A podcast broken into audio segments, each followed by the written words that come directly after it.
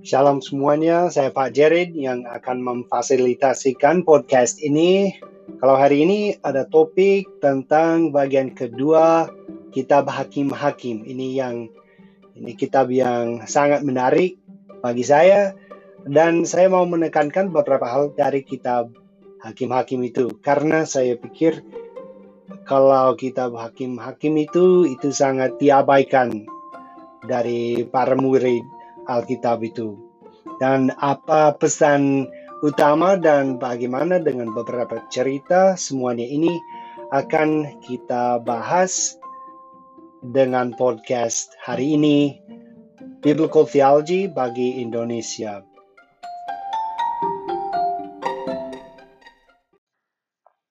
Nah, kalau satu hal yang pertama, kita sudah baca kata penutup dan kalimat yang diulangi beberapa kali.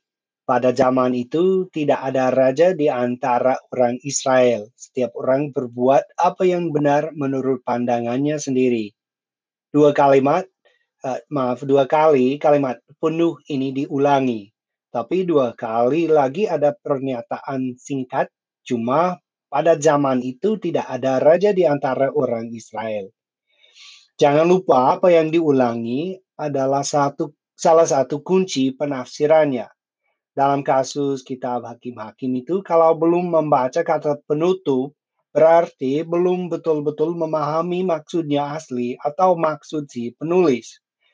Karena dalam kitab hakim-hakim, semua cerita utama itu dijelaskan sebenarnya pada bagian akhir. Dengan frasa itu yang diulangi, si penulis mau menerangkan bahwa setiap hakim sebenarnya memimpin bangsa Israel sesuai dengan apa yang benar menurut pandangannya sendiri. Walaupun mereka dipakai oleh Allah, dihinggapi roh Tuhan pun untuk membebaskan bangsa Israel sementara saja, mereka juga melakukan apa saja yang benar menurut pandangannya sendiri. Berarti mereka tidak betul-betul memimpin bangsa Israel dengan baik. Tapi sebaliknya, mereka menyebabkan kemerotosan bangsa Israel. Dengan beberapa hakim yang pertama, yaitu Otniel, Ehud, atau Barak, dan Deborah pun, mereka tidak sebenarnya seburuk beberapa hakim yang terakhir, yaitu Gideon, Yefta, dan Simpson. Tetapi dari pandangan si penulis, banyak masalah ini terjadi karena tidak ada raja di antara orang Israel pada saat itu. Hal itu dibuktikan dari frase yang diulangi tadi. Meskipun ada beberapa yang memimpin bangsa Israel, kira-kira seperti raja, termasuk Gideon, Abimelek, atau Yefta, mereka tidak memimpin seperti raja yang baik. Kalau dibandingkan dengan si Daud, misalnya, ada ber, ada banyak kelemahan mereka masing-masing sebagai Uh, pemimpin itu.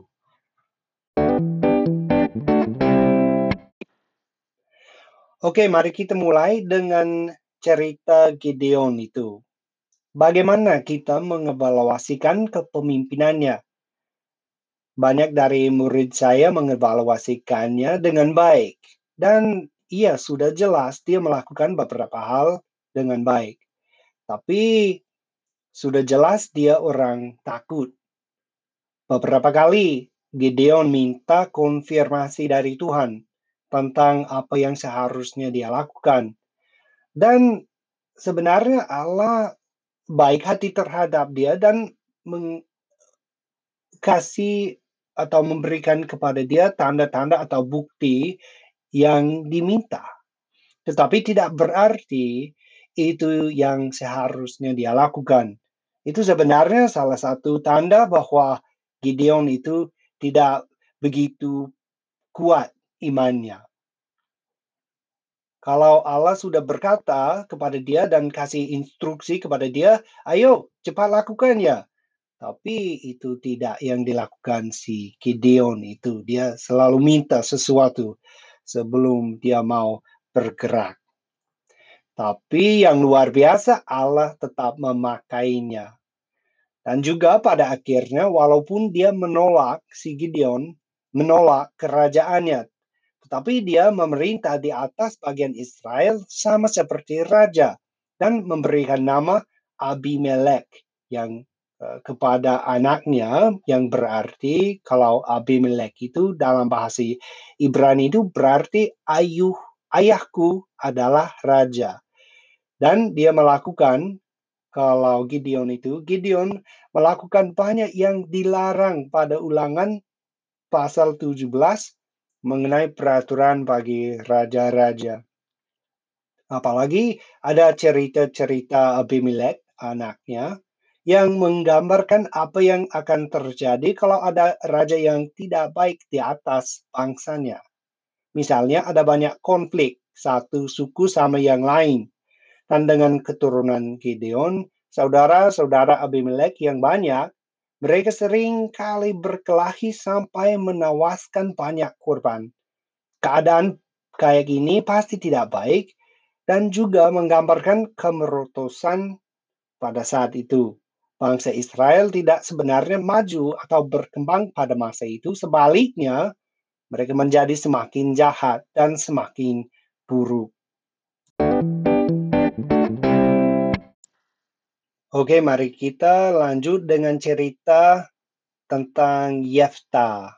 Cerita yang kedua kalau hari ini. Nah, banyak murid saya mengevaluasikan kepemimpinan Yefta dengan baik. Dikatakan karena dia dihinggapi roh Tuhan dan karena dia bernazar kepada Tuhan berarti dia adalah pemimpin yang baik. Kebanyakan Para murid berkata, "Iya, Allah berkenan dengan nazar dia." Nah, ada beberapa hal dalam cerita ini yang mau saya tekankan. Yang pertama, manusia seharusnya tidak tawar-menawar dengan Allah. Seperti, oke okay, Allah, saya akan memberikan sesuatu kepadamu kalau saya menerima sesuatu darimu. Itu teknik di mana seseorang merasa akan memaksa Allah untuk memberikan sesuatu kepada seseorang itu. Tapi Allah tidak biasanya berkenan dengan tawaran kayak gitu. Dia tidak butuh hal apa pun. Sudah jelas apa yang diinginkan Allah dari ulangan dikatakan umatnya seharusnya mengasihi Allah dengan segenap bagian dari jiwa mereka masing-masing. Nah, kalau dengan Yefta itu sebenarnya Yefta tidak betul-betul butuh membuat nazar kepada Allah. Cukup sudah ada roh Tuhan untuk melakukan hal-hal yang ditugaskan. Artinya kalau nazar kayak gini tidak dibutuhkan. Boleh, tapi dengan hal yang ke kedua ini, walaupun sudah jelas Yefta sudah memahami sejarah bangsa Israel itu atau boleh dikatakan dia sudah sudah tahu teologi bangsa Israel dengan baik apa yang sudah terjadi. Tetapi dia mencampur kepercayaannya dengan praktik-praktik dari agama lain yang dilakukan pada zaman itu oleh Bani Amon dan Bani Midian itu. Dengan Allah mereka Kamos dan Milkom eh, mereka nama-nama Allah Bani Amun dan Bani Midian itu dan Kamos dan Milkom itu salah satu hal yang dilakukan oleh para penyembah adalah membakar anak-anaknya dengan api bagi Allah mereka yaitu Kamos dan Milkom. Pada ulangan pasal 12 ayat yang ke 31 dikatakan, jangan engkau berbuat seperti itu terhadap Allah, Allah Tuhan Alamu. Sebab segala yang menjadi ke kejian bagi Tuhan, apa yang dibencinya, itulah yang dilakukan mereka bagi Allah mereka. Bahkan anak-anaknya lelaki dan anak-anaknya perempuan dibakar mereka dengan api bagi Allah mereka. Artinya, ia mencampur kepercayaannya dalam kategori teologi istilahnya sinkretisme. Dia sudah campur kepercayaannya sampai dia rasa Allah dapat disenangkan dengan nazarnya, yaitu pengorbanan anak atau manusia. Tidak masalah kalau ada nazar terhadap Allah.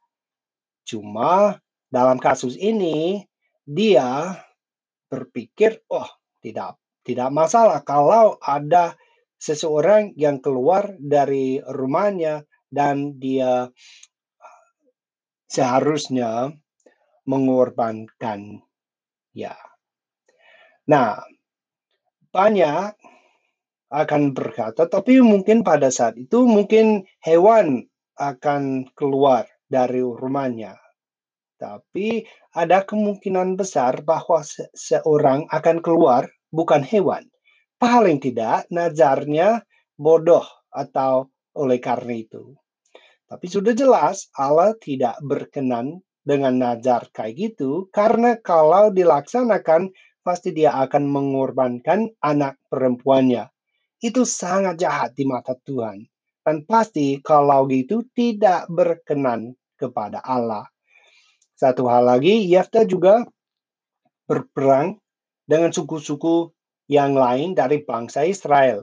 Hal ini menunjukkan bahwa bangsa Israel sudah mulai melawan satu sama yang lain daripada bersatu menghadapi bangsa-bangsa lain. Dalam kata lain, mereka sudah menjadi musuh satu suku sama yang lain. Musuhnya sudah menjadi mereka masing-masing daripada musuh eksternal di luar bangsa itu. Hal ini sudah menggambarkan kemerotosannya. Tetapi yang luar biasa, Allah tetap memakainya.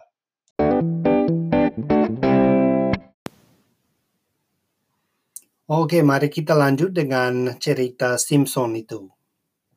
Nah, dengan si Simpson ada harapan bahwa dia akan menjadi pahlawan yang bagus sekali, lebih bagus daripada yang lain, karena sama seperti Abraham, Sarah, dan Ishak dan lain-lain, ada cerita tentang kelahiran dia dan apa yang seharusnya dia lakukan. Mungkin dia, ini harapan kita, mungkin dia akan pada akhirnya memimpin bangsa Israel dengan baik. Tetapi sayang sekali, dia bukan seorang baik. Dia mengikuti hawa nafsu dia sendiri. Kalau pada pasal 14 itu dua kali dia berkata kepada orang tuanya, seorang gadis ini dari Bani Filistin, ambillah dia bagiku, sebab dia kusukai itu ayat yang ketiga. Dan juga kalau ayat yang ketujuh dikatakan sebab Simpson sukai kepadanya. Dalam bahasa Ibrani secara literal dikatakan seorang gadis ini benar atau baik di mata saya di mata Simpson itu frasa itu hampir sama seperti dikatakan pada kata penutup itu setiap orang melakukan apa yang benar menurut pandangannya sendiri. Karena pada akhirnya cerita Simpson dia tidak begitu memimpin bangsa Israel dengan baik. Dia tidak sebenarnya memimpin bangsa Israel apa pun selain membalas dendam musuhnya. Dan gimana keadaan bangsa Israel pada saat Simpson itu?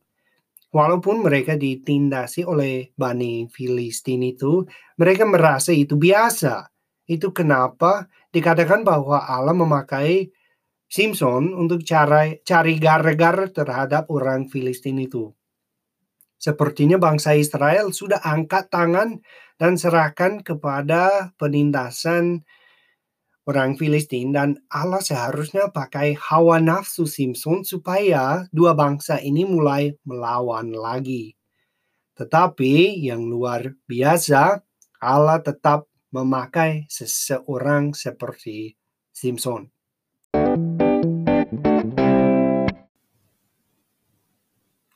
Oke, kita lanjut dengan kata penutup, itu bagian terakhir dari kitab Hakim-Hakim dan dalam kata penutup ada beberapa beberapa cerita yang sangat aneh, sangat menjijikan dan sangat tidak baik.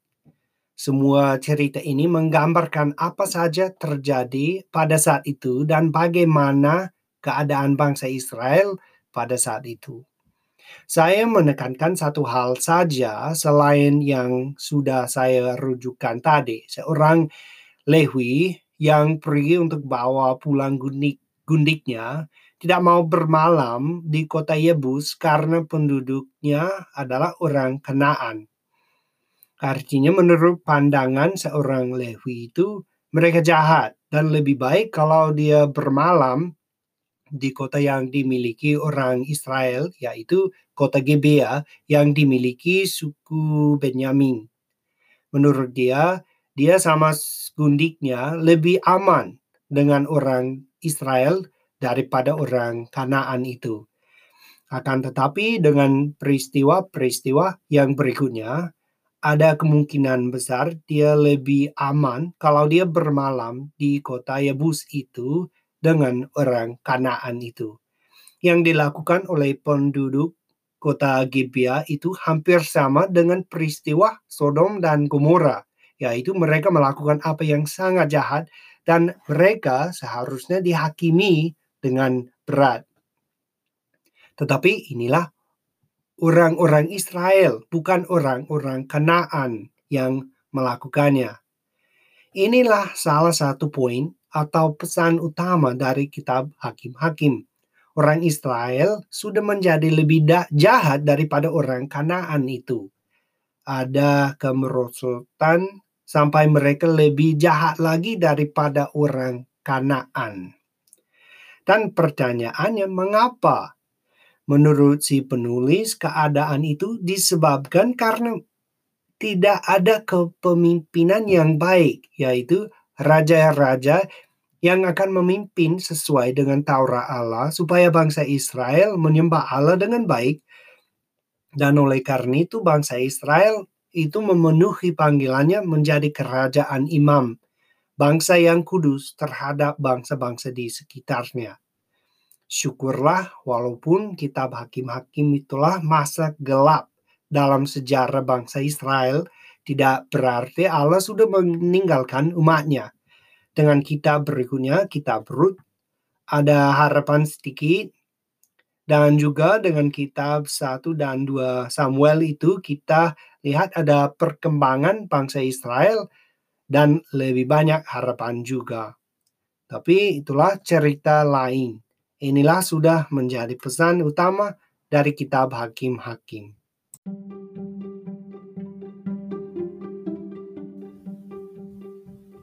Oke, inilah cerita Hakim-Hakim bagian yang kedua Sebenarnya ada pesan utama dari kitab Hakim-Hakim bagaimana keadaan bangsa Israel pada saat mereka tidak ada kepemimpinan yang baik yaitu raja-raja yang mau menyembah Allah dengan baik dan memimpin bangsa Israel dengan baik agar mereka menjadi penyembah sejati itu. Sebenarnya ada misi Allah pada saat itu mendirikan kerajaannya dengan bangsa Israel agar mereka mewakili Allah dengan baik terhadap bangsa-bangsa lain. Dan mereka sebenarnya akan menjadi imam kepada bangsa-bangsa lain dan kalau mereka taat, kalau mereka setia terhadap perjanjian Sinai itu dan mereka menjadi berkat seperti dikatakan kepada atau boleh dikatakan dijanjikan terhadap si Abraham itu mereka diberkati agar men, mereka menjadi berkat kepada bangsa-bangsa lain.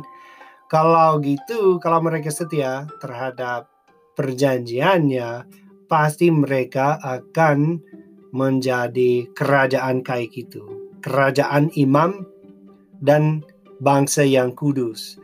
Dan oleh karena itu, dengan demikian mereka akan mendirikan sebuah taman Eden lagi di mana Allah diam bersama-sama dengan umatnya seperti dihendaki pada awalnya. Tetapi sayang sekali mereka sangat jahat. Mereka menggambarkan apa yang kebiasaan manusia itu yaitu selalu berdosa dan selalu melakukan apa yang benar menurut pandangan kita sendiri. Itu pesan utama dari kitab Hakim-Hakim. thank you